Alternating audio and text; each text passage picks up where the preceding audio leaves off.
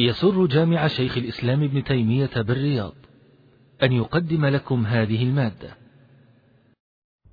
وقال سبحانه فلولا نفر من كل فرقة منهم طائفة يتفقهوا الدين من قومه إذا رجعوا إليه لعلهم يحذرون دل على أن طائفة تخرج وطائفة تبقى والنبي عليه الصلاة والسلام في عدة أخبار جامعة يدل على هذا ودل على أن وجوبه وجوبا كفائيا إلا أنه يجب عينا في بعض الأحوال مثل ما لو دهم العدو بلاد المسلمين. أو عند استنفار الإيمان وكذلك إذا تقابل الصفان والتقى الزحفان كان الجهاد عينيا في ثلاثة أحوال.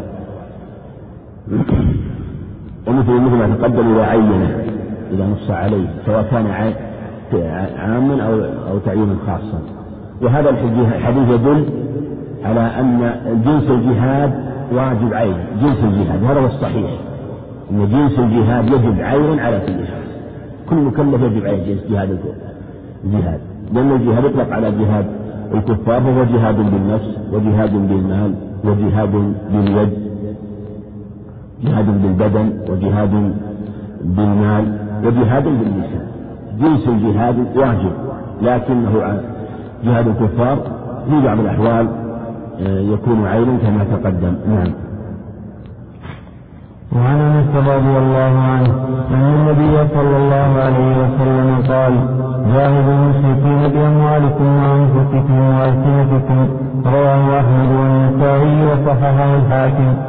من حديث انس حديث صحيح وهذا فيه الأمر بالجهاد جاهدوا المشركين بأموالكم وأنفسكم وألسنتكم. بلفظ وأيديكم. أيديكم. وهو معنى بأنفسكم؟ جاهدوا المشركين. هذا أمر بالجهاد.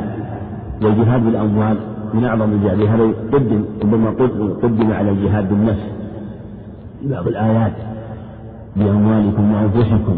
يجاهد بنفسه في سبيل الله جعلوها ويبيعها رخيصة في سبيل الله. وألسنتكم يجاهد الكفار بلسانه بالقلم بالخطبة بلسانه بالكتابة بالخطبة بالكلمة. كل هذا من الجهاد الذي يحصل به الخير للمسلمين من جهة الأمر به. وكل إنسان عليه من من الجهاد بحسب هذا بحسب ما يستطيعه. نعم. وعن عائشة رضي الله عنها قالت قلت يا رسول الله على النساء جهاد. قال نعم جهاد لا قتال فيه هو الحج والعمرة. رواه ابن ماجه وأصله في البخاري. من حديث صحيح هذا. قال لما أخبر النبي أن جهادهن لا في الحج والعمرة. في عند النساء جهاد الصغير والكبير والضعيف الحج أو قال الحج والعمرة. حديث سلمة. ومن حديث عند النساء في لفظ عن أم سلمة عند الإمام سلمة ضعيف الحج جهاد كل ضعيف. كل ضعيف. لا شك أن الحج جهاد لأن فيه مشقة وفيه. وانظر الجهد فلهذا كان جهاد كل ضعيف الحج وإذا قال جهاد كل الحج وأخذ العلماء من هذا أن الجهاد لا أن جهاد الكفار لا يجب على النساء. لكن هل يشرع لهن؟ وليس ولكن هل يشرع المرأة أن تجاهد؟ الأظهر أن لها أن تجاهد إذا أمكن ذلك. هذا الأقرب. إذا أمكن ذلك لتكن امرأة مثلا احتج لها مع صف الكفار للعلاج لعلاج الجرحى لمداواة المرضى للإعانة لتسليم السهام والسلاح مناولة السلاح. الدلالة على بعض الأمور التي يمكن أن تدل عليها كما كانت أم سليم مع النبي عليه السلام وكان معهم عطية وكانت أم سليم رضي الله عنها معها خنجر. فقال لها النبي صلى الله عليه وسلم ما هذا يا أم سليم؟ قالت إن دنا مني أحد من المشركين. بعجت أو قالت شققت به بطنه. فلم عليه النبي عليه الصلاة والسلام. ذلك وكانت عائشة رضي الله عنها ومن معها من النساء كنا يملأنه الطرب وربما قال راوي كنت أرى ما أرى خدم سوقهن وهم ينقلن القرب يفرغنها في أفواه الجرحى وأفواه المحتاجين من المجاهدين. طيب إذا حضرت وأعانت فهي على خير. نعم لكن ليس بواجب عليها ليس بواجب عليها. لكن لو حضرت وأعانت بما تستطيعه فلا بأس من آه، لهذه الأخبار. وقد روى البخاري عدة أبواب يعني في لها فيما يتعلق بجهاد المرأة أبواب تتعلق بإعانتها في أمر الجهاد. نعم. وعن عبد الله بن عمر رضي الله عنهما قال جاء رجل إلى النبي صلى الله عليه وسلم يستاذنه في الجهاد. عبد الله بن عمر؟ هو عندي عبد الله بن عمر لكن الظاهر انه عبد الله بن عمرو عندكم أنتم؟ عمرو والمحفوظ عبد الله بن عمرو واللي يحفظه من عبد الله بن عمرو نعم أظن عبد الله بن عمرو بالواو نعم. وعن عبد الله بن عمرو رضي الله عنهما قال جاء رجل من النبي صلى الله عليه وسلم يستاذنه في الجهاد. فقال أحي والداك قال نعم. قال ففيهما فجاهد متفق عليه. ولأحمد وأبي داود من حديث أبي سعيد نحوه وزاد. ارجع فاستأذنهما فإن أذنا لك وإلا فبرهما. فبرهما. فبرهما. بر يبر بر يبر نعم وإلا فبرهما. نعم. حديث عبد الله بن عمرو كما ذكر صلى متفق عليه وفيه أن المستهزئ قال احي الوالدات قال قال فيهما فجاهد. فيهما فجاهد. دل على أن الجهاد لا يجب على من منعه والداه إذا لم يكن متعينا. وهذا من الأدلة عند الجمهور على أن الجهاد لا يجب عينا إلا في أحوال. ولهذا قال آه، فيهما فجاهد فيهما فجاهد. والرواية الثانية في أبي سعيد الخدري. ارجع تستأذن أذنك وإلا فبرهما يعني أمره أن يبرهما ومن الدراج عن أبي الهيثم في رواية الدراج عبد الرحمن سمعان أن أبي الهيثم ضعف. وفي رواية هذه رواية أبي سعيد حديث أبي سعيد وفي حديث عبد الله بن عمر عند أبي داود في آخر أنه قال إنه قال ارجع فاضحكهما إنه أبكاهما. قال ارجع فاضحكهما كما أبكيتهما. دل على أنه يجب استئذان الوالدين الوالد والوالدة في الجهاد فان أذن له وإلا لا يجوز أن أن يجاهد إلا بإذنهما. ما دام أنه لم يتعين عليه. نعم. وعن جرير. الحديث الآخر قرأته وعن جرير وعن جرير البجلي رضي الله عنه قال قال رسول الله صلى الله عليه وسلم أنا بريء من كل مسلم يقيم بين المشركين. رواه الثلاثة وإسناده صحيح ورجح البخاري ورساله رجح البخاري ورساله رحمه الله من قيس بن أبي حازم عن جرير لكن المعتمد ثبوته ثبوت وصله ثبوت وصله مثل ما في هذا قال أنا بريء يعني ممن يقيم بين المشركين. يعني مسلم يقيم بين المشركين بريء منه عليه السلام. من كل من كل مسلم يدخل من على كل. وكل من أعظم من أبلغ صيغ العموم بل قال علماء الرسول إن سورها أعظم الأشوار ولهذا يدخل فيها ما ما لا يدخل فيه غيرها. أنا بريء من كل مسلم آه، يقيم بين المشركين يعني نهى عن الإقامة بين المشركين. وهذا بحث فيه كلام طويل وشريف. لأهل العلم في هذه المسائل المسائل الشرع المهمة لكن ما دل على أنه لا يجوز المسلم يقيم بين المشركين بلا حاجة. ولهذا في الله حديث بهز بن حكيم عن أبيه عن جده عند أحمد والنسائي بن بإسناد حسن. لا يقبل قال عليه السلام لا يقبل الله من مشرك بعدما أسلم عملا أو يزايل المشركين أو يعني حتى يعني حتى يزايل المشركين. يعني إلى أن يزايل المشركين. وعند النسائي إسناد صحيح عن جرير بايع النبي انه قال بايعت رسول الله صلى الله عليه وسلم على أقام الصلاة الزكاه والنصح وكل مسلم في الصحيحين. في لفظ عند النسائي سنة صحيح قال وعلى فراق المشرك. فراق المشرك. رواية الحسن عن سمرة عند أبي داود أنه عليه أنه عليه عليه قال من جامع المشرك أو سكن معه فهو مثله يدل على أنه لا يجوز الجلوس مع المشرك إلا لمصلحة شرعية بدعوته أو مخالطتهم لأمر لمصلحة لأمر من حدث الدنيا. ويجوز بثلاثة شروط. الشرط الأول أن يكون عنده دين دين يمنعه من الوقوع من الوقوع في الشبهات الوقوع في الشبهات. وكذلك وعدم الوقوع في الشهوات. دين لديه دين معنى تقوى تحديده وتمنعه يعني يجتهد الأمر الثاني يكون لديه علم. دين يمنعه من الوقوع في الشهوات. وعلم يمنعه من الوقوع في الشبهات. والثالث الحاجة. الحاجة. إذا كان هناك أي حاجة. وأعظم الحاجات هي الحاجة الشرعية هذه لا إشكال فيها. فإذا انتهت حاجته فإنه يفارق ويزايل المشرك يجب عليه يزايل المشركين. نعم. وعن ابن عباس رضي الله عنهما قال قال رسول الله صلى الله عليه وسلم لا هجرة بعد الفتح ولكن جهاد ونية متفق عليه. نعم حديث ابن عباس لا هجرة بعد الفتح ولكن جهاد ونية. ثبت أيضا معناه في الصحيحين من حديث من حديث ابن عمر وعائشة موقوفا عليهما. من قال لا هجرة بعد الفتح. وثبت صحيح مسلم مرفوعا عن عائشة أنها قالت لا هجرة بعد الفتح عنه عليه الصلاة عليه والسلام. قال لا هجرة بعد الفتح ولكن جهاد ونية في حديث مجاشر بن مسعود عند البخاري إنه جاء بأخيه مجالد كي يبايعه النبي عليه الصلاة والسلام على الهجرة. فقال قد مضت الهجرة لأهلها. بلفظ عند البخاري لا هجرة بعد الفتح ولكن جهاد ونية وإذا استنفرتم فانفروا دل على أنه لا هجرة. هذا في بشرى. كما قال بعض العلم أن مكة تصير أن مكة تصير دار إسلام.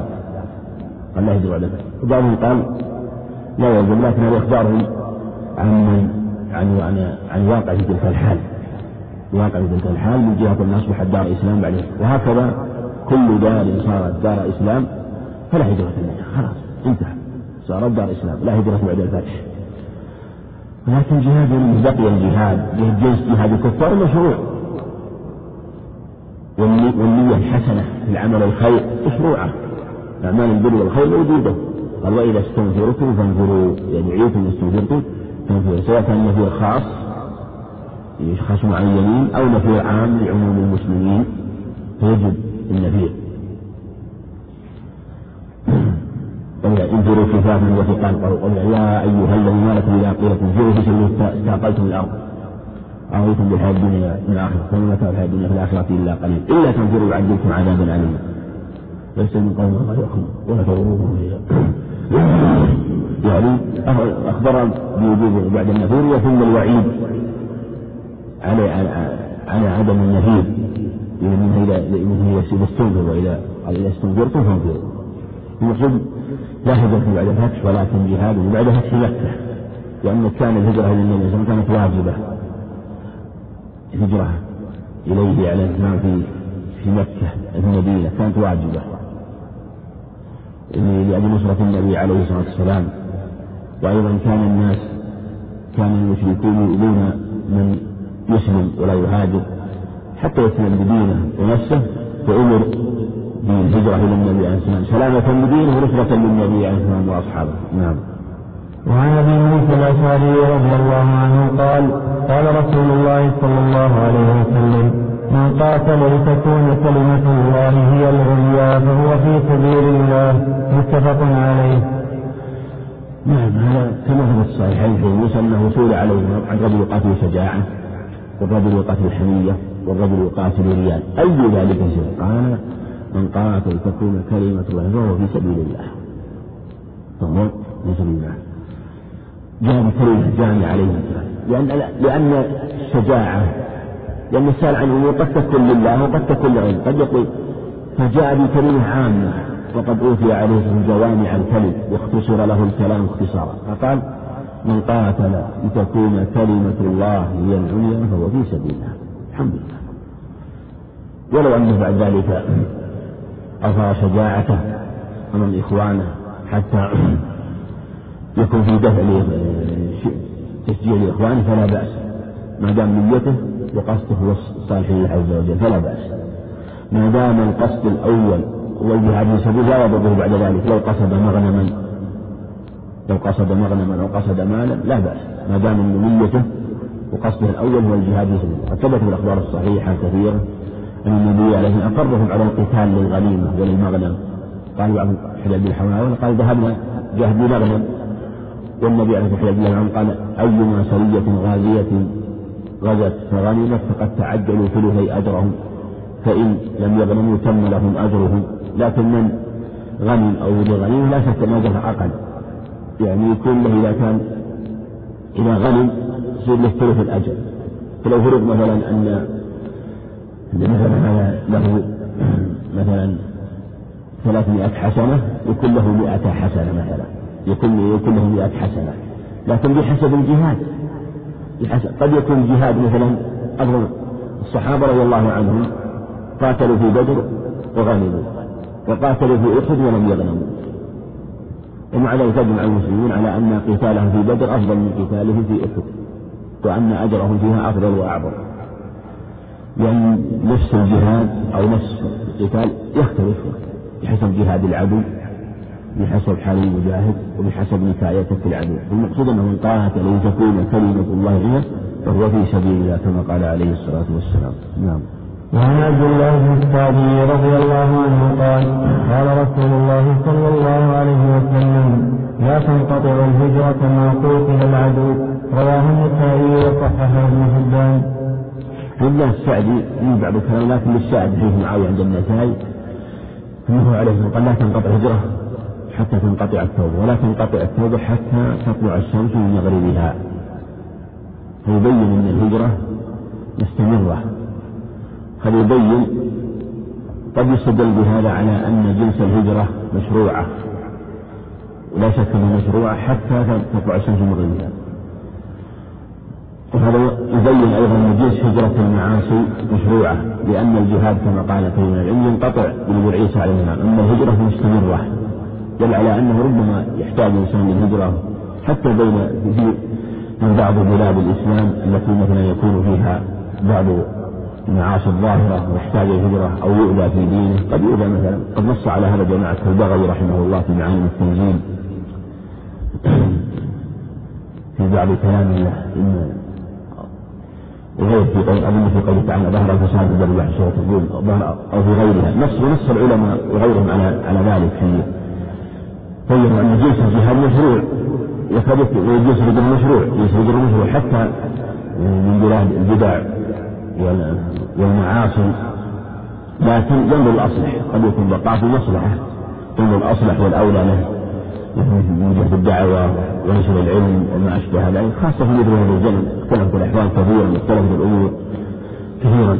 نعم لا حول ولا قوة إلا بالله وعن رضي الله عنه قال وعن نافع قال أغار رسول الله صلى الله عليه وسلم على بني الصدق وهم غابون فقتل مقاتل فقتل مقاتلتهم وسبى ذراريهم حدثني بذلك عبد عبد حدثني بذلك عبد الله بن عمر رضي الله عنهما متفق عليه.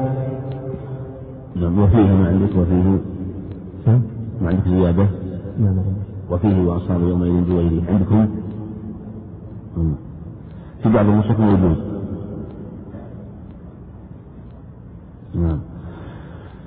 حديث نافع عن ابن عمر أنه أغار على بني المختلط وهم غارون يعني غافلون. هذا أخذ منه العلماء يجوز الاغاره على المشركين بدون إنذار واعلام واختلف العلماء التقوى قيل يجوز مطلقا وقيل لا يجوز.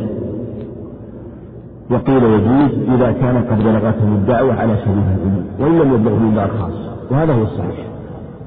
ولهذا دعوة النبي عليه الصلاة والسلام بلغت واشتهرت وظهرت في أحياء العرب وتبينت فلم يبقى عذر لأحد ولم يبقى إلا الإسلام.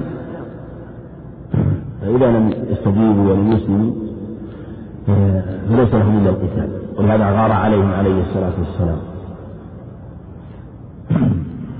وفي دلالة على مثل ما تقدم لا بأس بأن يغار على العدو وإن كانوا غافلين إذا لم يكن بينهم وبين المسلمين عهد وميثاق فلا بأس. ولهذا غار عليهم عليه الصلاة والسلام. ومثل هذا عموم المشركين عموم المشركين في كل كل زمان وكل مكان إذا كان قد بلغتهم الدعوة وظهرت. قال جماعة ابن رحمه الله أنها ظهرت دعوة وتبينت وظهرت وليس فيها غموض ويعني ولا خفاء وليس أحد معذور بعدم الإسلام. فلهذا جاز الإغارة عليه وجازت يعني تحين الغفلة فقد كان عليه الصلاة والسلام يغزو في حديث صحيح البخاري ويغير. وربما غار على عليهم في أول النهار وكان ينتظر عليه الصلاة والسلام فإن سمع مناديا بالأذان. لم يغر عليه الصلاة والسلام وإن لم يسمع دل على أنها بلاد وبلاد الشرك. فغار عليهم ولم ينذرهم بسبق الإنذار العام لهم ولغيرهم. نعم. وعن سليمان بن بريدة عن أبيه رضي الله عنه قال كان رسول الله صلى الله عليه وسلم إذا أمر أميرا على جيش أو سرية أوصاه في خاصته بتقوى الله وبمن معه من المسلمين خيرا ثم قال. اغزوا بسم الله. قاتلوا من كفر بالله. اغزوا ولا تغلوا ولا تغدروا ولا تمثلوا ولا تقتلوا وليدا. وإذا لقيت عدوة من المشركين فادعوهم إلى ثلاث خصال فأيتهم أجابوك إليها فاقبل منهم وكف عنهم ادعوهم إلى الإسلام. فإن أجابوك فاقبل منهم. ثم ادعوهم إلى التحول من دار إلى دار إلى دار المهاجرين. فإن أبوا فأخبرهم بأنهم يكونون كأعراب المسلمين ولا يكون لهم في الغنيمة والفيء شيء إلا أن يجاهدوا مع المسلمين. فإنهم أبوا فاسألهم الجزية فإنهم أجابوك فاقبل منهم وإن أبوا فاستعن عليهم بالله وقاتلهم وإذا حاصرت آل حسن فأرادوك أن تجعل لهم ذمة الله وذمة نبيه فلا تفعل ولكن اجعل لهم ذمتك فإنكم إن تغفروا ذممكم أهون. فإنكم. فإنكم إن تغفروا أن أن تخفروا فإنكم أن تخسروا ذمتكم أهون من أن تخسروا ذمة الله. وإذا أراد وإذا أرادك أن تنزلهم على تكفروا من الرباعي من أخطر. المصدرية أن تكفروا من رباعي من أخطر.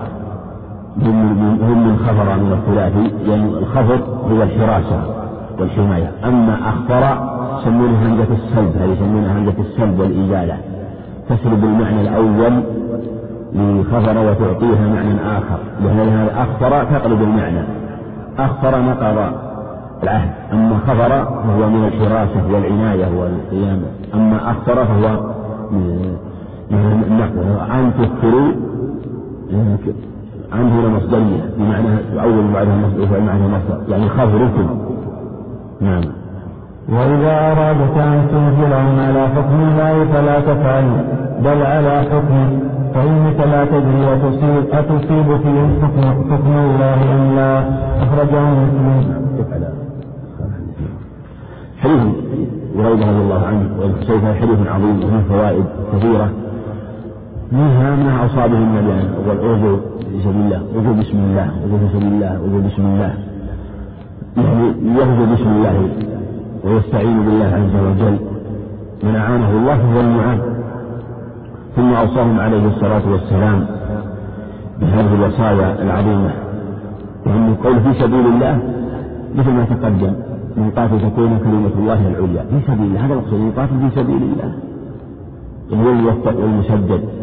لا تكون نيته من مقصد آخر من مقصد دنيا لإظهار الحمية أو الشجاعة أو الرياء أو ما أشبه ذلك. لكن مثل ما تقدم نيته لله ثم لا يضره بعد ذلك ما طرأ وما هرب وما حصل تبعا بعد ذلك من الخير.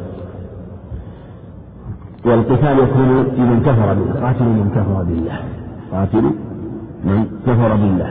ثم كتب عليه غزو ولا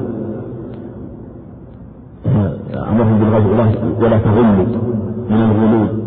والغلو لا شك جاءت إخبار بتحريم وتشديده وكذلك ينهى عن الغضب والغلول وكذلك قتل الصبيان وما أشبه ذلك وقتل الشيوخ وقتل النساء إلا العلماء استثنوا من ذلك الصبي الذي يقاتل الصبي الذي يقاتل له جلد على القتال فهذا يدفع شرطه ولو بالقتل. كذلك الشيخ الكبير الذي يقاتل أو له رأي ومكيدة ولما كان أعظم الرأي قبل شجاعة الشج الرأي قبل شجاعة الشج قبل شجاعة الشجعان الرأي قبل شجاعة هو أول وهي المحل الثاني. وإذا اجتمع فإذا اجتمع لنفس مرة بلغ أو بلغ من العلياء إذا اجتمع نفس المرة المرة هي الحرة. المرة إذا اجتمع نفس المرة يعني حرة بلغ من العلياء كلما تعني فلهذا ربما كان الرأي, الرأي قبل شجاعته ربما كان رأيه رأيه أنفذ من أنفذ من جيش أو أنفذ من سرية أو من قوة جماعة لشدة قوة رأيه مثل ما وقع لجريد بن السنة في غزوة الطائف. فقتل وكان شيخا كبيرا جاوز المئة والعشرين أو نحوها. كذلك المرأة. لا تقتل النبي عليه الصلاة والسلام رأى امرأة مقتولة فأنكر قتلها عليه السلام. في عند أبي داود حزن عمر ولفظ آخر أيضا حديث آخر أنه قال ما كانت هذه لتقاتل التعليل عندنا التعليل. والحكم معلل يقتضي أن منه العلة مقصود. قال ما كانت هذه لتقاتل يقول عليه الصلاة والسلام. دل على أنها لو قاتلت قتلت. والقصص المشتهرة في هذا الباب قصة تلك المرأة التي طلعت على المسلمين وعدت بعض سوءاتها تعير المسلمين فرماها رجل من المسلمين شأن فما أخطأ ذاك منها. مرسل ضعيف لكنه شواهد من جهة المعنى الدالة على هذا أنه إذا كان منها نكيدة أو قتال قتلت في مسند أحمد أيضا حديث آخر من حديث عباس وغيره أن رجلا من المسلمين أسر امرأة أو أخذ امرأة من المشركين وأردفها معه ثم أرادت أخذت سلاحا معها فقالت أن تقتلها فقتلها. فبلغ النبي صلى خبرها فأخبره فقال أراد أن تقتلني أن تقتلني أو نحو ذلك. فأقره النبي صلى الله عليه وسلم وسكت عليه. المقصود أنها إذا خشي من شرها أو قتالها قتلت المقصود هذا هو الأصل كما تقدم. كذلك النبي عليه السلام في قوله إذا لقيت عدوك من المشركين هذا في الشاهد لما تقدم.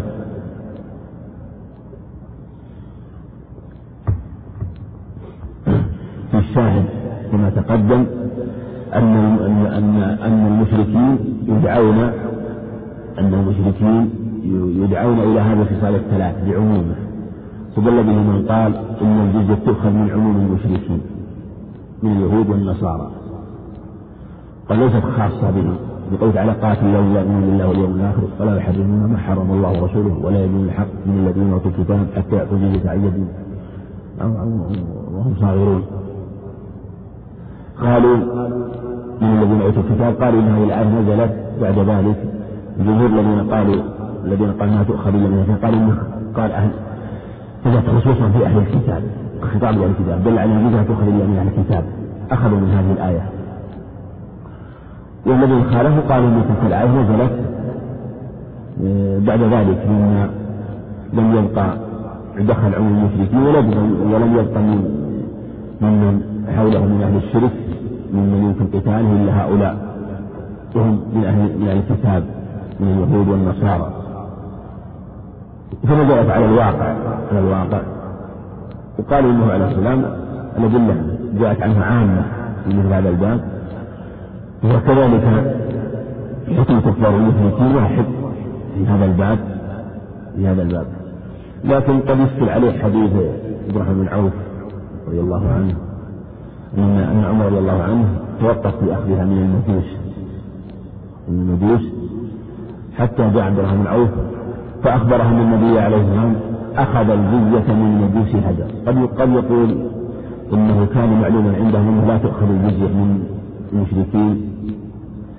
ولهذا توقف ولهذا أشكل على عمر رضي الله عنه أخذها من المجوس فلم يأخذها منه قال هنا لو كان هناك عموم لأخذها من المجوس. قد يقال أن هذا في المجوس خاصة نحن سنة من سنة الكتاب مرسل أو مالك موطأ وغيره مرسل إنه الذي جاء بهم أنه أخذ الجزية خصوصا.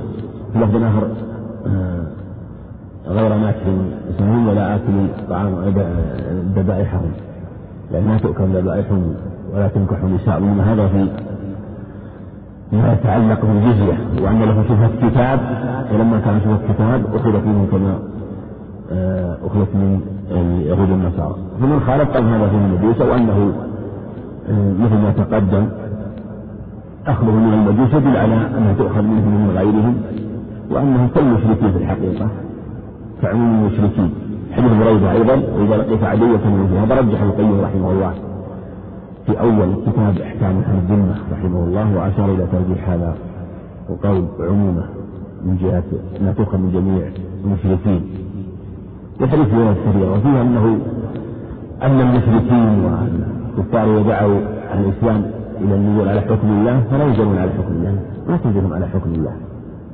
هذا في المسائل الاجتهادية بين بين بين ما يقول هذا حكم الله أو أو يقول يجيكم على حكم ما تدري يعني لا تبي تصير حكم الله أم لا. اللي موجود على حكم سواء حكم يصح فإنكم أن تخبروا يخبركم لأن ربما يأتي تعطيهم عهد مثلا تقول لكم حكم الله ولكم كذا وكذا وتنزل عهد والعهود موثقة بحكم الله. ثم يأتي رجل من أطراف المسلمين فينقض العهد. ويخفر يخفر الذمة وينقضها ممن لا يقيم هيبة لهذه الأحكام.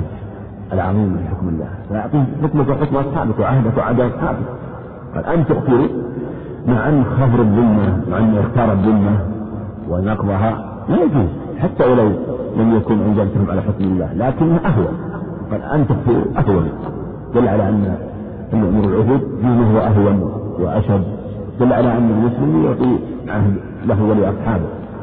دل على أن المجتهد كل أنه ليس كل أنه ليس كل مجتهد مصيب مثل يجتهد في الحكم لكن لا يدري يسوي حكم الله ولا يسوي حكم الله.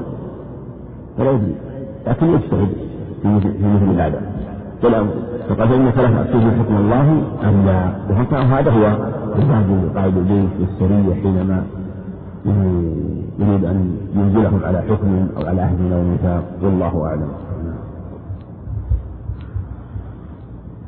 عليكم. يقول السائل ما حكم الجهاد في هذا الزمان؟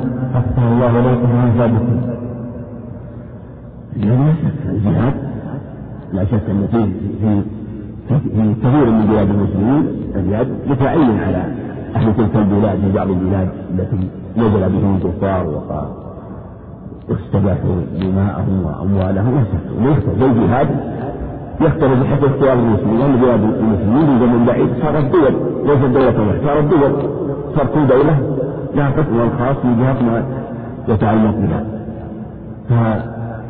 فالجهاد واجب وإذا استنصرهم أهل الإسلام في بلد من بلاد المسلمين وجب على المسلمين أن ينصرهم كما قال يا أيها القاتل الذين يلونكم من الكفار ولم يجدوا صدورهم دل على أنه يجب قتال كل كل بلد والوجوب على البلد الذي يلي بلاد المسلمين الذين يلون الكفار يكون أقرب إليهم وهم يلونهم. فقال قاتل الذين يلونكم من الكفار. قال العلماء أخذ العلماء هذه الآية أن القتال أن أن إكراه العدو والكافر إذا نزل بالمسلمين هذا من أحد الصور التي يجب فيها قتاله ودفعه. وأنه كهو كهو بذلك وقام بأداء الجهاد ومنع الله بهم الكفار ودحروا الحمد لله. فإن لم يتمكن من ذلك وجب آه، على من يليه وهكذا كل من يليه كل من يليه فإن لم يستفي من يليه إلى من يليه هكذا. شيئا فشيئا. نعم. الله عليكم هل من جهاد الشروط وهل اشترط ابن في ذلك؟ الجهاد نحن الشروط الجهاد بالشروط لا شك. ذكر العلماء شروط كثيرة الجهاد. ومن ومن ما ينبغي ملاحظته في أمر الجهاد من أعظم الشيء التي يغفل عنها كثير من الإخوان هو السلامة. السلامة من الضرر أيضا شرط من شروط الوجودية فالإنسان مثلا ما يعمل الضرر في الجهاد أو في لحوقه في الجهاد. فلا يجب على الجهاد وليس عيا إذا كان ما يكون مساعد فإذا كان في ضرر عليه مثلا في جهاده أو في قتاله أو في خروجه من الجهاد يجب عليه. السلامة من الضرر أيضا من الشروط التي يجب ملاحظتها والعناية بها في أمر الجهاد. لكن لو أن الإنسان تحمل الضرر وتحمل شدة في سبيل ذلك فله ذلك. فله ذلك على وجه لا يحصل به ضرر على غيره من المسلمين. على وجه لا يحصل به ضرر على غيره من المسلمين. فإذا انتفى الضرر عليه على غيره من المسلمين وتحمل الضرر. فلا بأس يعني غاية ما يكون يغرر بنفسه. غرض ولهذا ولهذا كلمة حقان النبي في حديث طارق طارق بن عبد الله أو غيره وجاء في الحديث عند حديث سعيد الخدري عدة أخبار في هذا الباب أنه عليه عليه سلطان. أفضل الجهاد كلمة الحق عند سلطان الجائر من أفضل الجهاد؟ لكن ليس بواجب ولكن لو إنسان غرر بنفسه وقال كلمة الحق. وقتل في سبيله. فله ذلك. كلمة حق يقولها ما يحصل يحصل بها الخير لا يحصل بها ضرر ولا شر على على المسلمين. يحصل بها الخير والمصلحة للمسلمين كلمة الحق التي يبين بها الحق كلمة الحق التي يزال بها الشبهة والفساد يحصل بها خير ويترتب عليها مصالح عليه المسلمين. فلو أنه غرر بنفسه كذلك إذا غرر بنفسه. في الجهاد والخروج من جهاد سبيله لكن إذا كان في ضرر كما تقدم كان في ضرر عليه فلا يلزم ولهذا قال اختلف العلماء في من عند قتال العدو مثلا لو تقابل المسلمون والكفار وخرج رجل المسلمين يقتحم حصن الكفار أو أن يدخل في بيت الكفار يجب أن يفتح له ثغرات أو يتسبب مثلا في إقدامه ويغلب على الظن فله هلاكه هل يجوز ولا صحيح أنه يجوز عند الجمهور. يقولون يجوز التغرير بالنفس يجوز التغرير بالنفس عند ظهور المصلحة. يجوز التغرير بالنفس وإن غلب على ظنه هلاكه عند ظهور المصلحة. فلهذا ينبغي مراعاة مثل هذه الأمور نعم. أحسن الله إليكم هل ما يحدث للرجال أمر في هذا الزمان يعتبر جهادا؟ وهل ما من الناس منهم يكون شهيدا؟ كل من كما النبي عليه الصلاة جاء أجاب بهذا عليه الصلاة والسلام.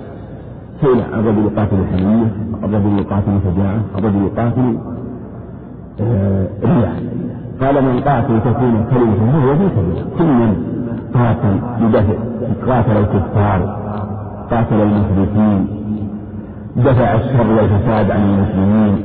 كل شيء يحصل مصلحة بدفع شر أو فساد في قتال الكفار قتال البغاة قتال المفسدين في الأرض. كل قتال لا يحصل به تكون مصلحة وخير للمسلمين فإن المقتول خير عظيم. واختلف العلماء في بعض المسائل. مثلا في قتل قتال البغاة هل يكون كالشهيد إنه كشهيد المعركة أو شهيد من جنس الشهيد الذي يكون شهيدا شهيدا في الآخرة ليس شهيدا في الدنيا. مثل من قتل ظلما لأن هنالك الشهداء أنواع شهيد في الدنيا والآخرة ومن قتل في سبيل الله هذا هو شهيد في الدنيا والآخرة حكم حكم الشهداء في الدنيا وشهيد في الآخرة.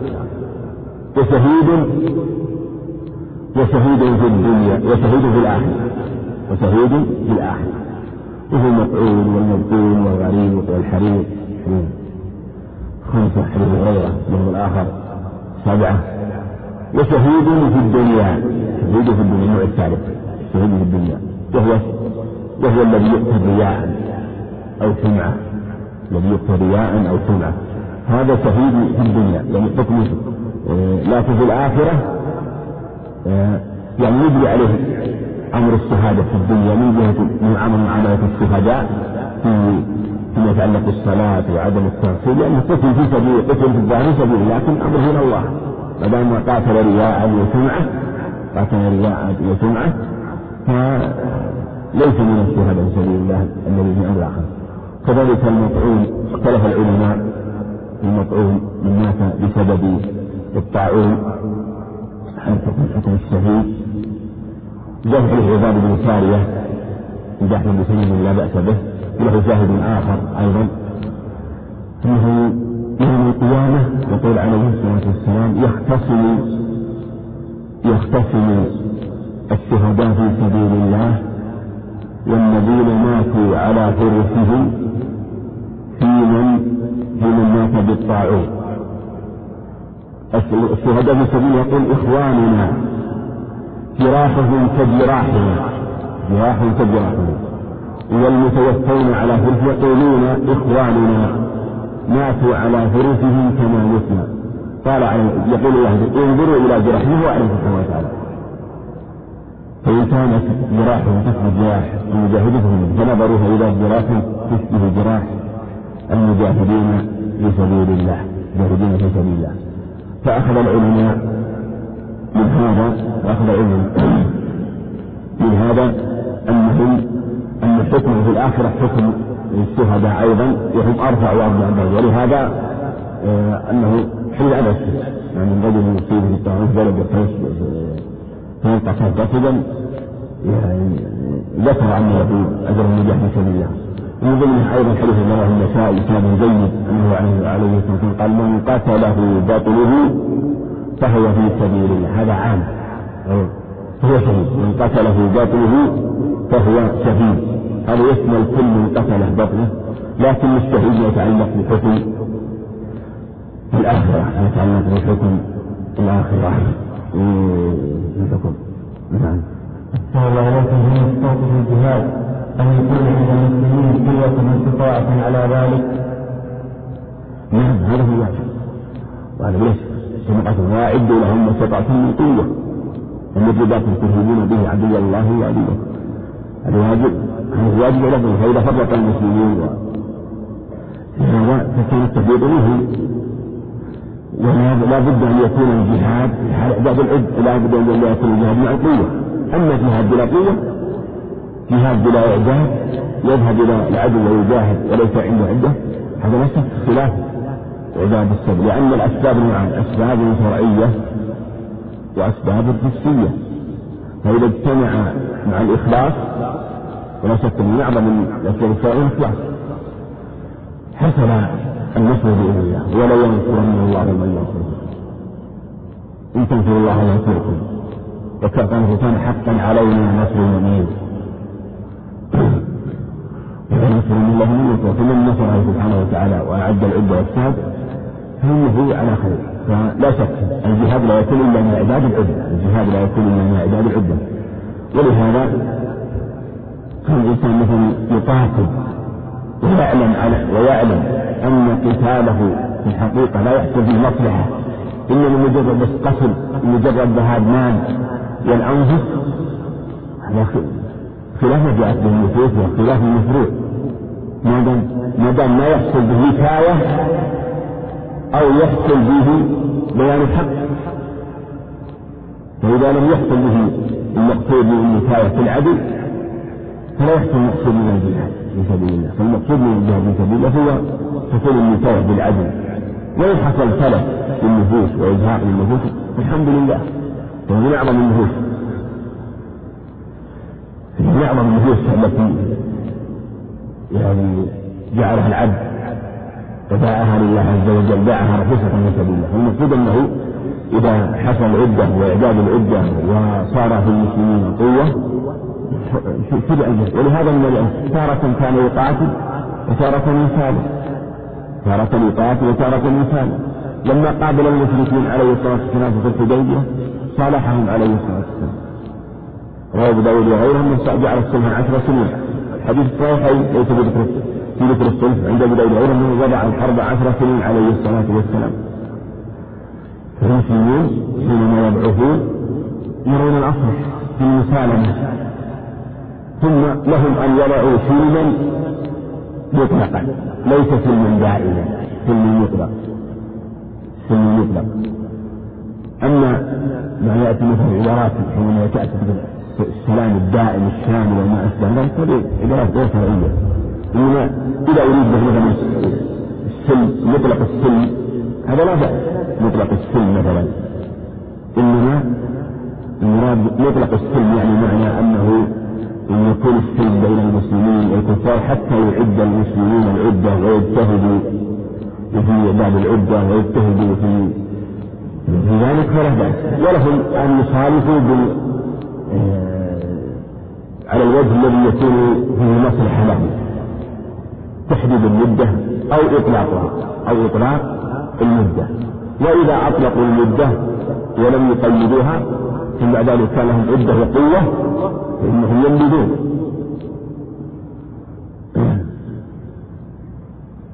ينبذون. فإما تخافن من قوم فانبذ إليهم على سواء. إنه لا يحب الخير إليهم على سواء حتى تكون أنت وإياهم على سواء. فينبذ إليهم. ويخبرهم أنه قد ما دام السن مطلق غير مقيد. غير مقيد مطلق إذا السن المطلق الموجود يجوز. نبذه ونقضه لكن بالإخبار. بشرطين. الشرط الأول الإعلان الشرط الثاني أن يكون عند العدو عدة يستعد للمواجهة كيف الشرع الحكيم؟ حتى ما جوز الغد مثلا لو كان بين بين المسلمين والمشركين عهد مثلا. عهد مطلق. ثم نبذ المسلمون إليهم العهد. لكن شرع جيش إليهم ولما كان بقربهم لم يكن بينه وبينهم يعني مشى بالخفية ولم يكن بينه وبينهم إلا مسافة أيام أرسل رسول قال قد نبذنا إليكم. ونحن قادمون مثلا. ليس بينه وبينهم إلا خمسة أيام. وكان بالأصل أن بينه وبين بلاد مسيرة شهرين مثلا. لا يجوز. هذا لا يجوز. لأن ما لحق بالعقد فهو من ضمن العقد. فلو أن مثلا كان العقد مطلق وكان بعد مد العهد لو سار المسلمون إليهم استغرقوا مثلا مدة أربعة أشهر مثلا. هذه هذه الأربعة أشهر داخلة في العقد. ولهذا في حديث المقدام معدي ترد أو عند أبي داوود المقدام من غيره أو أظن من غيره بحديث من غير حديث المقدام رضي الله عنه. أن عائد بن عمرو وغيره ما ما أذكر الآن. أن معاوية رضي الله عنه كان بينه وبين المسلمين عهد. كان بينه وبين المسلمين عهد. زي كان بين عمرو وكان بين معاوية رضي الله عنه بين بين المشركين عهد فأراد أن يسير إليهم رضي الله عنه أراد أن يسير إليهم رضي الله عنه. فكان قبل العقد مدة سار إليهم ولم يعلن. فلما كان بقربهم لم يكن بينه وبينهم إلا أيام أرسل الرسول قال قد نبذنا إليكم العهد. فجاء الصحابي هذا عائد بن عمرو وغيره ويصيحه الجيش رضي الله عنه. فقال وفاء لا غدر وفاء لا غدر قال ما هذا؟ قال إني سمعت رسولا يقول من كان بينه وبين المسلمين عهد فلا يحلن عقدة ولا يعقدنها حتى ينزل إليهم على سواء. ينزل إليهم قبل يعني يخبرهم قبل أن يسير إليه لأن هذا يعتبر داخل ضمن العقد والعهد وإن لم يفرق من جهة كالمشروط عرفا وهو داخل في العقد. هذا يبين لك عظمة العقود في الإسلام الشروط وأن أمرها عظيم في في الوفاء بها وعدم الغدر بها. ودين الإسلام هو دين الوفاء حتى مع ألد الأعداء مع ألد الأعداء. ومن تأمل الشريعة وتأمل النصوص وتأمل هديه وجد وجد العجب العجاب في هذا وجد العجب العجاب بل إنه يهي للحربيين الذين يعاهدون بعض المسلمين يفي لهم ويقول نفي ونستعين الله عليه صلوات الله سنة فلي ولكم التوفيق والسلام إنه جواد كريم صلى الله وسلم وبارك على نبينا محمد. السلام عليكم. بسم الله الرحمن الرحيم. الحمد لله رب العالمين وصلى الله وسلم على نبينا محمد وعلى آله وصحبه أجمعين اللهم اغفر لنا ولشيخنا وللمسلمين قال المؤلف رحمه الله تعالى وعن كعب بن مالك رضي الله عنه أن النبي صلى الله عليه وسلم كان إذا أراد غزوة مر بغيرها متفق عليه. الحمد لله رب العالمين والصلاة والسلام على نبينا محمد وعلى آله وأصحابه وأتباعه بإحسان إلى يوم الدين. أما بعد هذا حديث عن كعب مالك رضي الله عنه وهو في قصة توبته رضي الله عنه طويلة العظيمة التي فيها العبر والفوائد الكثيرة. وأخذ المصنف رحمه الله الشاهد منها وهو أنه عليه الشاهد لما أراد أن يذكره في هذا الباب وهو أنه كان إذا أراد إذا أراد غزوه ورى بغيرها عليه الصلاة والسلام. والتورية هو أن يظهر الإنسان معنى بلفظ قريب ويريد معنى آخر أبعد وهو صحيح. لكن السامع يظن أنه قصد هذا المعنى. كان عليه الصلاة والسلام مثلا إذا قصد إلى جهة من الجهات سأل عن غيرها إذا أراد إلى جهة مثلا الشرق عن الغرب إذا أراد مثلا جهة السماء سواء عن الجنوب أو بالعكس. لأن الحرب خدعة كما قال عليه الصلاة والسلام حديث جابر وحديث أبي هريرة. الحرب خدعة ولهذا ربما كان فيها من المصالح شيء كثير سواء في ابتداء الحرب قبل الدخول فيها أو كان بعد ذلك. فمن كان فمن خدع برأيه ونظره فإنه يغلب قرنه. ونظيرة. ومع الصبر على ذلك لأن الظفر والنصر صبر ساعة مع حسن رأي. ولربما طعن الفتى أقرانه بالرأي قبل شجاعة الشجعان. ربما يكون طعنه برأيه أشد نفاذا من طعنه بالسلاح والسنان وفي القصة المشهورة عن علي رضي الله عنه في الأحزاب قصة المشهورة في الأحزاب حينما خرج عمرو بن عبد ود فقال هل من مبارز وكان رجلا شجاعا ذا دهاء ويطوي على مكر فقال خرج علي رضي الله عنه. وكان عمر أسن منه بكثير فلما خرج قال إني لا أريد أن أقتلك يقول عمرو عبد الوهاب. يقوله يعني نوع من الاستكبار والترهي في آه، شجاعته وما أشبه ذلك. فقال علي لكني أريد أن أقتلك قل هذا الله فلما دنا كل منهم إلى قرنه قال علي رضي الله عنه ما خرجت لأقاتل اثنين فالتفت عمرو فضربه بالسيف فقده به فقال خدعتني وكان في كلمة التي قال حمد قال علي رضي الله عنه الحرب خدعة حرب خدعة. المقصود انه كما في هذا الخبر كان يوري بغيرها إذا أراد شيئا ورى بغيره. جاء في رواية أنه في غزوة تبوك عليه الصلاة والسلام أظهر الأمر ولم يوري بل أظهر للناس وبين أنه يريد تبوك. ويريد تلك البلاد لأنه كان في حرب شديد وكان في وقت نضوج الثمار وكان الصحابة الله على كثير من شدة فأظهر الأمر حتى يستعدوا لهذه الغزوة. نعم. وعن ناقل وعن ناقل من النعمان بن مقدم رضي الله عنه قال شهدت رسول الله صلى الله عليه وسلم إذا لم يقاتل أول النهار أخر القتال حتى تزول الشمس. حتى تزول الشمس وتهب الرياح وينزل النصر. رواه أحمد والثلاثة وصححه الحاكم وأصله في البخاري. نعم هذا أصله في البخاري وهو أنه عليه الصلاة والسلام في حديث عن قدم كان إذا لم يقاتل أول النهار أخر القتال حتى تهب الأرواح وينزل النصر وتحضر الصلوات حتى تهب الأرواح وتحضر الصلوات.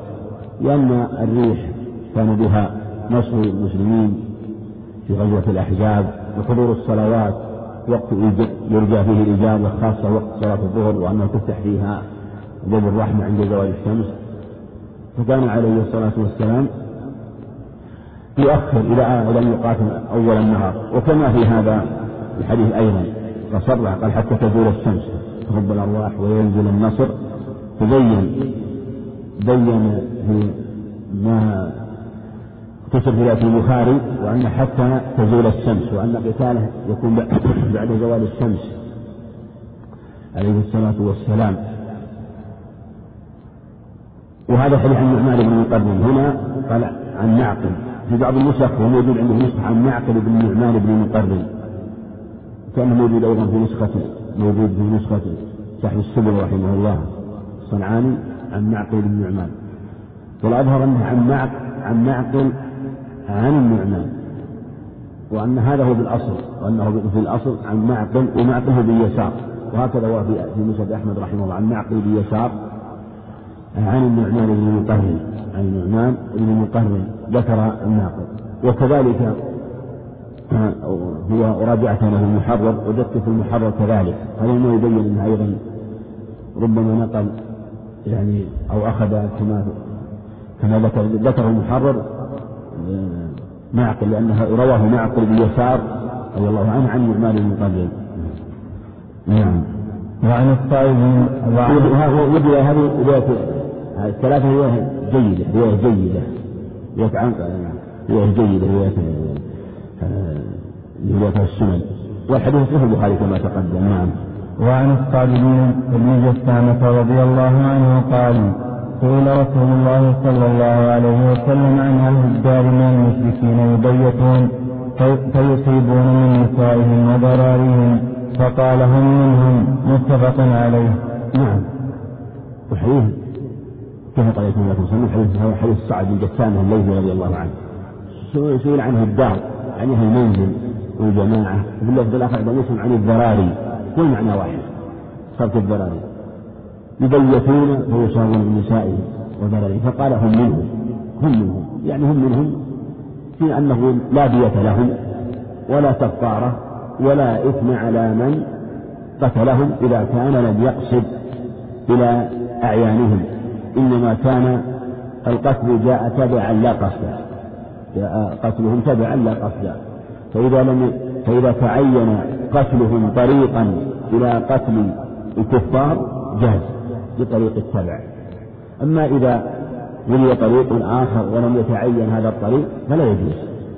إلا من كان من المقاتلة من الصبيان أو من النساء ومن في حكمه أما إذا لم يمكن ذلك أو كان في سلوك طريق آخر حذرهم وعلمهم مع أنه قد بلغهم العلم قبل ذلك. فلا بأس أن يبيتوا والنبي عليه مثل ما في هذا الخبر. وفي حديث حديث عن ابن عمر غار على ابن المصطلق وهم غارون. غافلون قد بلغتهم الدعوة. هذا أنه سئل فثبت بسنة فعلية حديث ابن عمر وسنة قول في الصعيد الثاني هذا المعنى. أنه لا بأس أن يبيت المشركون وهم غارون إذا كانت الدعوة قد بلغتهم. ولو أصيب من أصيب. من الذراري فمن أصيب فلا دية له ولا كفارة ولا إثم. ولو كان أنه لو تميز وانفصل لم يجوز القصد له. لكن لما أنه لم يمكن قتل كفار إلا بقتلهم فلا بأس. وإن كانت مفسدة لكن مفسدة يسيرة في ضمنها مصلحة عظيمة وهي دحر رؤوس الكفر والشرك. نعم. وعن عائشة وهذا أيضا قولهم منهم قبل قولهم منهم هذا في أمر في أمور الدنيا ليس في ليس من أمر الآخرة في شيء ليس من أمر الآخرة في شيء إنما في أمر الدنيا. أما الضرار من قتل من صبيان المشركين فأمرهم إلى الله أمرهم إلى الله. والمذاهب فيهم عشرة كما ذكر ابن القيم رحمه الله في حكمه. هذا المراد منهم يعني في حكم الدنيا في حكم أما أمر الآخرة هو إلى الله. فمن علم الله أنه لو جاءه رسوله لأطاع كان من أهل السعادة. من كان في علم الله أنه لو جاءه رسوله لأبى وامتنع كان من أهل النار من الشقاوة والعياذ بالله. وهذا هو أصح المذاهب فيهم أن الله سبحانه وتعالى يرسل لهم رسولا ويدعون يوم القيامة فيختبرون وهنالك قول جيد في الصبيان في من مات قبل ذلك سواء مات حتى أنفه أو قتل كما لو قتل ضرار المشركين. في باب القتال والجهاد في حديث الحديث الصحيح طويل في قصة الإسراء والمعراج أنه عليه السلام رأى الأطفال أطفال المسلمين أطفال المشركين عند إبراهيم عليه الصلاة والسلام. والمذاهب كثيرة كما هي عشرة أصحها يعني أقرب هذا المذهب مذهب يعني مذهب الاختبار والمذهب الثاني خاصة فيما يتعلق بأطفالهم وصبيانهم نعم. وعن عائشة رضي الله عنها أن النبي صلى الله عليه وسلم قال لرجل تبعه يوم بدر ارجع فلم يستعين بمشرك رواه مسلم. نعم. الحديث هو حديث مختصر هنا مختصر وهو مطول في مسلم وهو أنه عليه عليه والسلام جاء رجل يحرك الوضرة ينكر منه نجدة وجرأة حتى إن بعض بعض فرح لذلك وقال وأنه جاء لكي يعين النبي عليه الصلاة وأصحابه ويصيب من المغانم فقال ارجع فلن أستعين بالمشرك في ذلك يقول. وجاء في رواية عند أحمد من طريق آخر أنه عليه عليه الصلاة والسلام قال إنا لا نستعين بالمشركين عن المشركين وهذا هو حكم قوله مذهب أحمد وقول جماعة من أهل العلم أنه لا يستعان بهم. وذهب آخرون أنه يجوز الاستعانة بهم عند الحاجة وقيل عند الضرورة عند الضرورة. وهذا خبر منه عليه الصلاة والسلام أنه لا يستعين بالمشرك. مثل لكن لا يلزم أنه لا يجوز. مثل قوله أنا لا أفعل كذا أنا لا آكل متكئا. أو لكن قوله قوله عليه الصلاة والسلام فلم أستعين بالمشرك هذا إذا كان الاستعانة بالمشرك للحاجة في أو في حال الضرورة لا من العلم إلى أنه لا بأس بما جاء في عدة أخبار أنه عليه السلام ذكر أنه استعان بعض المشركين وفي قصة صفوان بن أمية في هذا الباب لها طرق أن أنه استعار منه أذراعا. هذه استعانة أذراع ثابتة قبل إسلامه. أما استعانته به هو استعانته به بنص صفوان فهذه كتب رمضان لكن استعانته بأذراعه قال غصبا يا محمد قال بل عارية مولونة.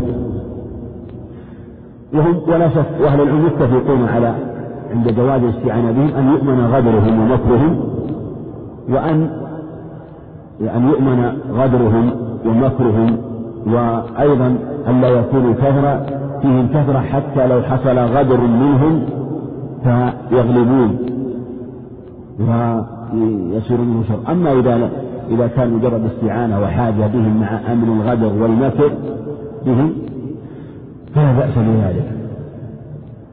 وهذا ومن ذلك أيضا من هذا الباب الاستعانة بأهل الأهواء وفرق أهل العلم الاستعانة مثلا بأهل الأهواء وأهل البدع ذكر أنه لا يجوز الاستعانة به في أي عمل من الأعمال لأن أهل الأهواء يظهرونه دينا يظهرونه دينا ويظهرونه نصحا يظهرونه نصحا.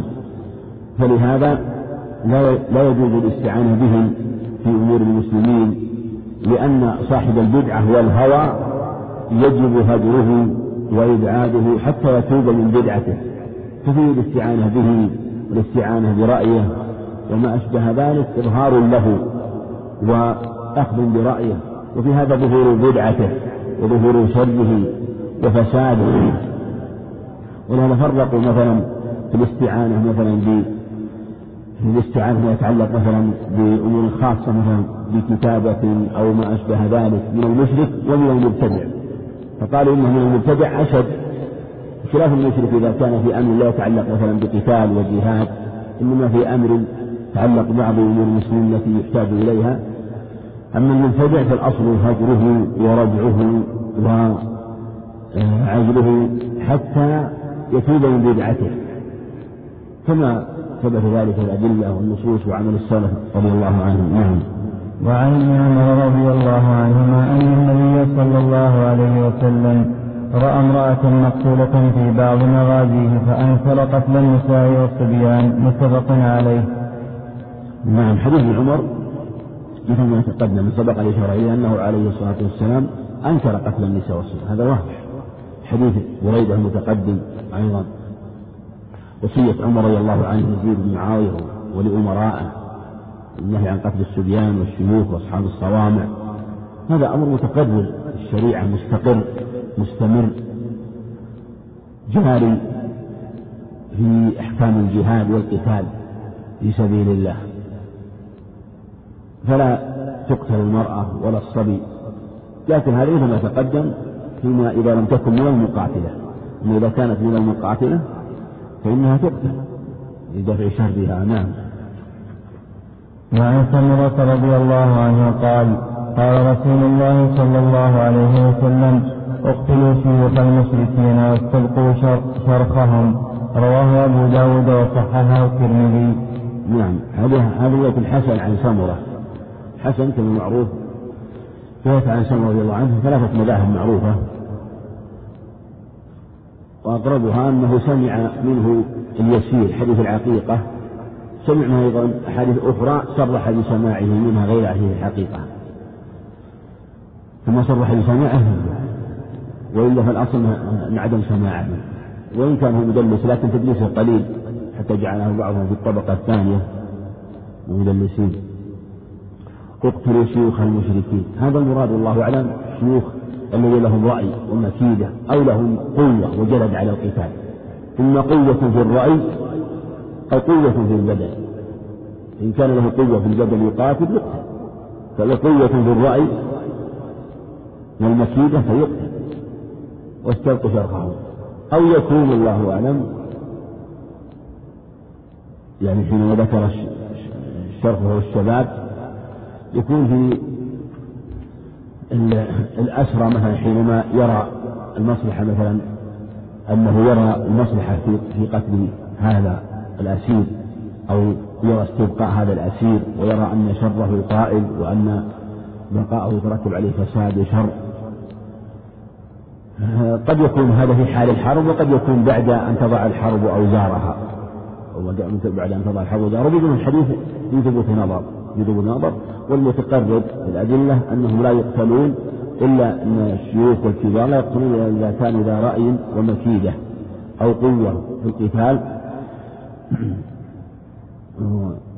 أما شبابهم فمن أمكن منهم آه، يعني مداراته حتى ولا يقتل فلا بأس لأن الشباب قريب ويمكن أن يأخذ ويداول معك القول والرأي ويسلم. أما الشيخ ففي النادر أن يسلم كبير السن من شيوخ المشركين.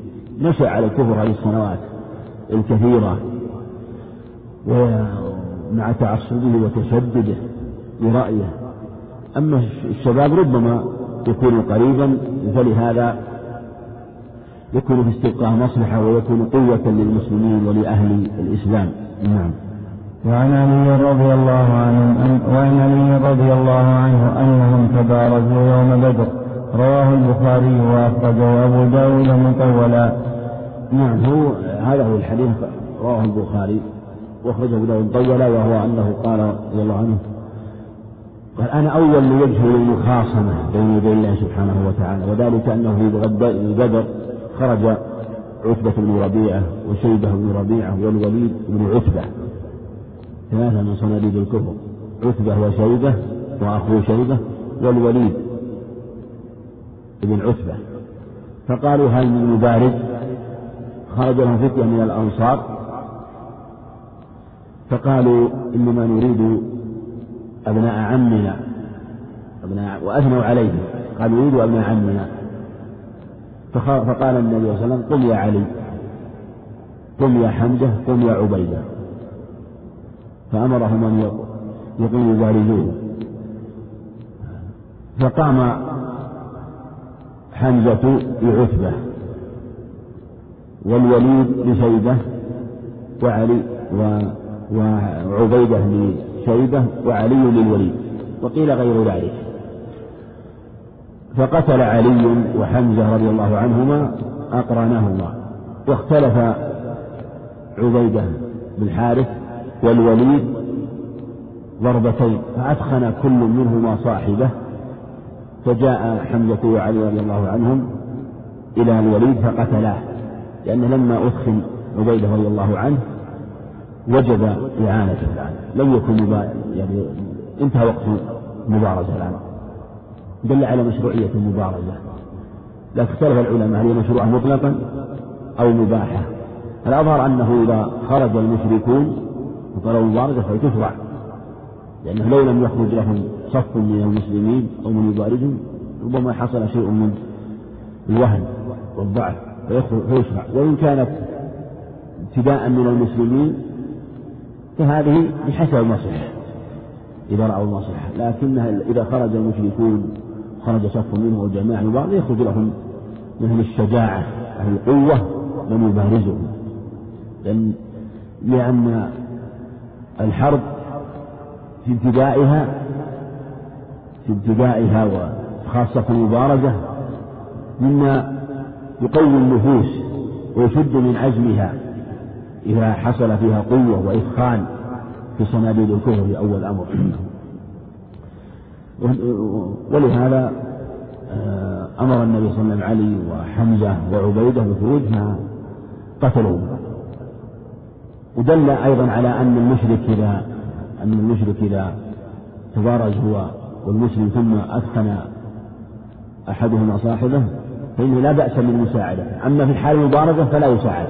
في حال المبارزة وخرج إلى قرنه الكافر وتبارز لا يجوز أن يخرج له أحد آخر ما دام كل منهم الآن قائم بنفسه.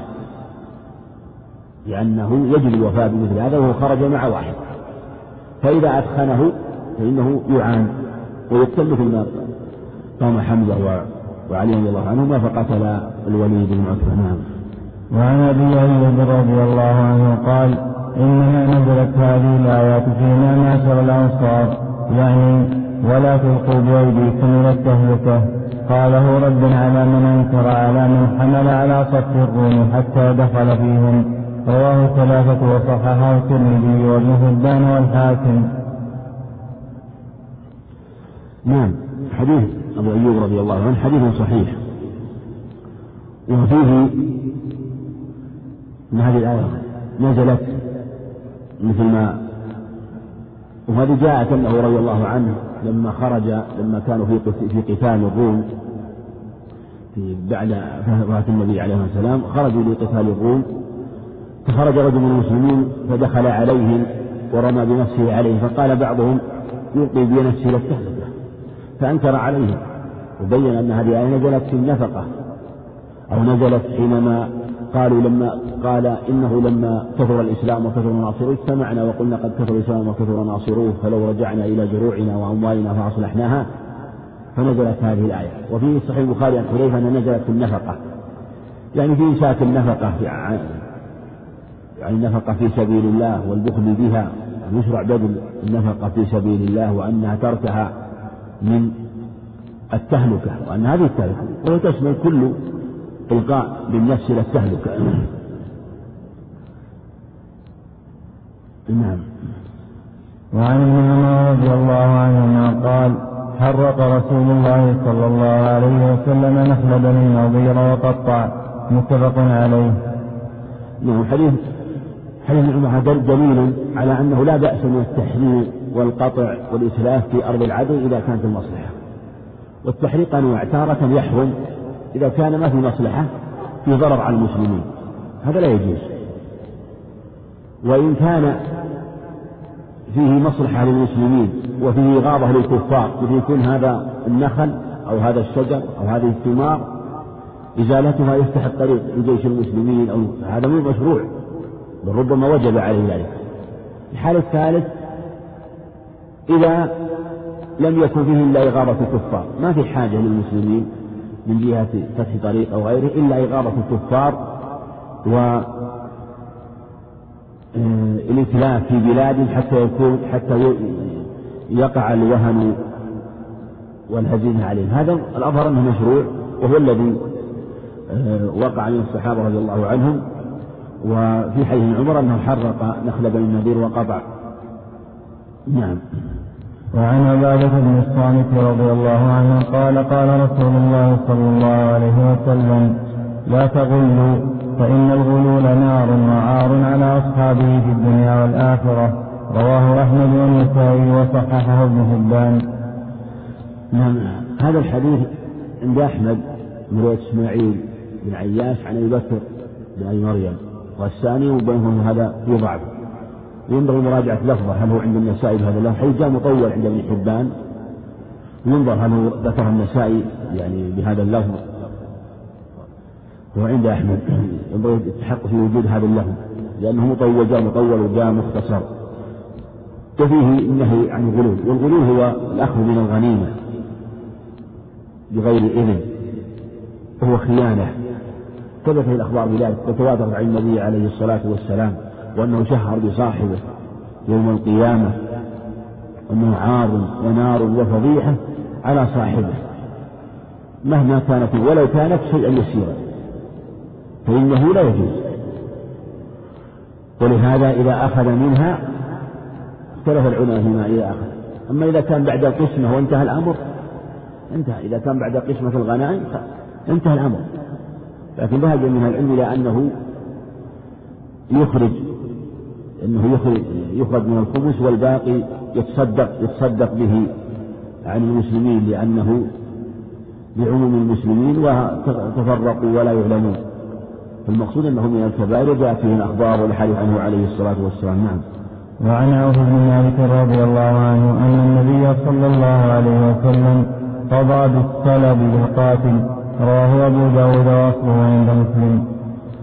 نعم هذا قول أصلا عند مسلم فيه نظر الحديث الحقيقة عند مسلم بهذا اللفظ.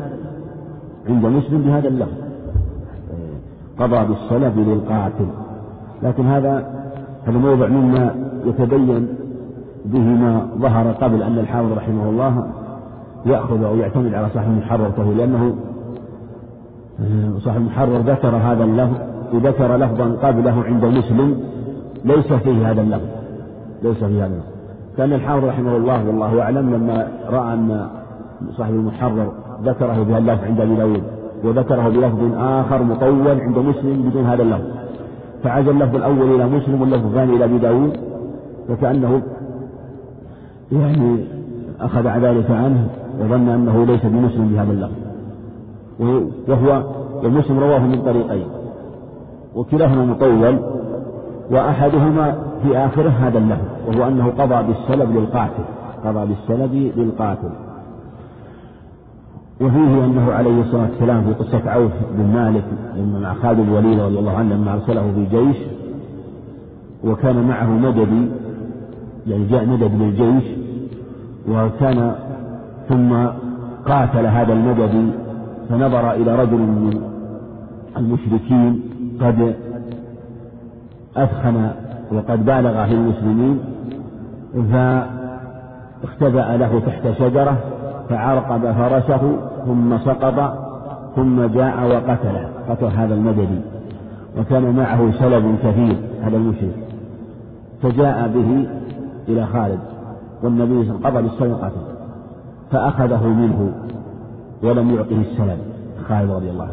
فقال عوف بن مالك قد علمت أن النبي صلى الله عليه وسلم قضى بالسلب للقاتل. قال نعم ولكن استكثرته اجتهد. استكثرته. وفي رواية أنه قال إنه أخبر أنه سوف يخبر النبي بذلك.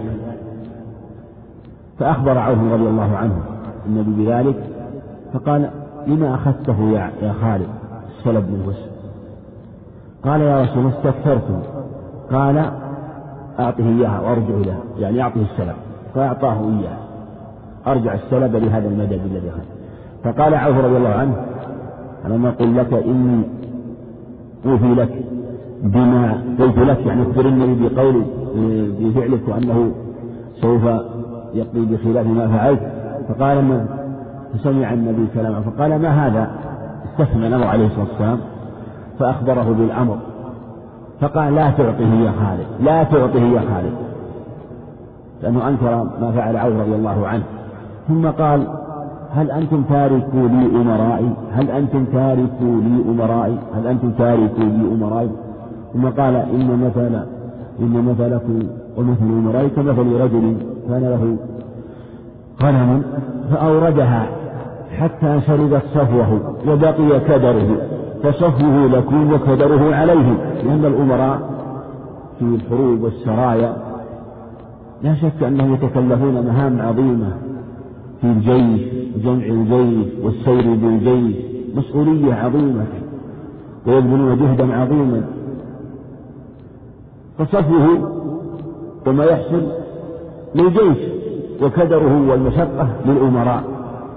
فقضى به عليه السلام أو رد الأمر على ما قضى به خالد رضي الله عنه. فالمقصود أنه موجود عند مسلم بهذا وأنه قضى بالسلب القاتل عليه الصلاة والسلام. نعم. وعن عبد الرحمن بن عوف رضي الله عنه في قصة قتل أبي جهل قال فابتدراه بسيفيهما حتى قتلاه ثم انصرف إلى رسول الله صلى الله عليه وسلم فأخبراه فقال أيكما قتله؟ هل مسحتما سيفكما قال لا. هل مسحتما؟ هل مسحتما؟ نعم. هل مسحتما سيفيكما قال لا. قال فنظر فيهما فقال كلاكما قتله فقضى صلى الله عليه وسلم بسلبه لمعاذ بن عمرو بن جموح متفق عليه. نعم. حين هذا فيه فوائد كثيرة منها؟ مثل ما سبق أنه قضى بالسلب القاتل عليه الصلاة والسلام. حين بقدر الصحيحين؟ كيف على حديث كيف على هذا الحديث وفي الصحيحين حديث قتادة أنه عليه الصلاة والسلام قال من قتل قتيلا له عليه بينة فله سلبه فله سلبه قضى بالسلب القاتل وفي هذا دلالة على أنه إذا اشترك في قتله في مشرك قتله رجلان فإن سلبه لأحدهما ويشاهد ما قاله جمع العلم أن السلب لا يكون لاثنين إنما لواحد. ولم يعهد أنه عليه قضى بالسلب لاثنين. في غزوات علم بل يكون لواحد. لأنه إذا كان لاثنين ما يكون في التغرير بالنفس. من التغرير بالنفس يكون فيما إذا كان واحد مع كل منه يريد أن يقتل صاحبه. ولهذا قضى به عليه الصلاة والسلام لأحدهما. لما قال هل مسحتما سيفيكما فأخذه فنظر فيه عليه الصلاة والسلام. فرأى أن سيف أحدهم أحدهما أبلغ في الجرح. الدم فيه مرتفع أكثر. دل على أن أنه أبلغ في الضربة. هذا في دلالة على من اشترك فيه إثنان ينظر في من أثخنه وفي أو من كان ضربته أقوى. فإن السلب له فإن السلب له. والسلب هما مع المقاتل من سلاح أو مال أو لباس. كله يسمى سلب لأن السلب فعل معنى مفعول معنى مسلوب لأن يسلب يؤخذ منه سمي سلبا أن يسلب منه ويؤخذ منه. والسلب يؤخذ بشروط يستحقه القاتل للمشرك بشروط. الأول أن يكون المقتول من المقاتلة. ما يقتل مثلا امرأة أو صبي فيقتله ويأخذ سلبا. لا يكون غنيمة لأن هذا ما في ما في التغرير بالنفس.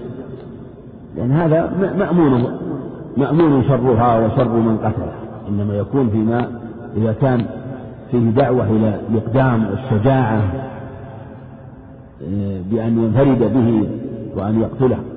في هذه الحال آه، هذا الشرط الأول أن يكون المقتول ليس من المقاتلة. الشرط الثاني أن يثخنه.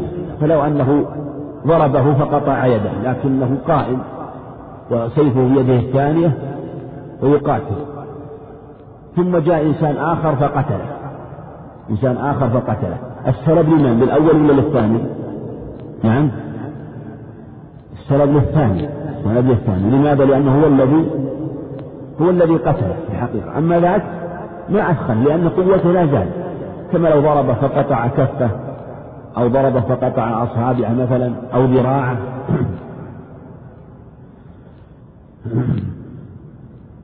هذا. طيب لكن لو ضربه ضربه فقطع رجله فلم قطع رجله. جاء إنسان فقتله ثاني. لمن السبب؟ نعم. للأول ولا للثاني؟ للثاني. مطلقا ولا نقول نقول فيه؟ نعم. في الغالب أنه إذا قطع رجله أنه ماذا؟ خاصة إذا قطع مع الوسط من في الغالب أنه يقعده وليس كذلك. لا يستطيع الحراك إذا ما استطاع الحراك الإسخان يكون من الأول ولا من الثاني؟ من الأول من الأول. فإذا أثخنه بقطع رجله صار فصار يدافع بالسيف يهوي بالسيف وهو جالس. يكون يكون ضعيف.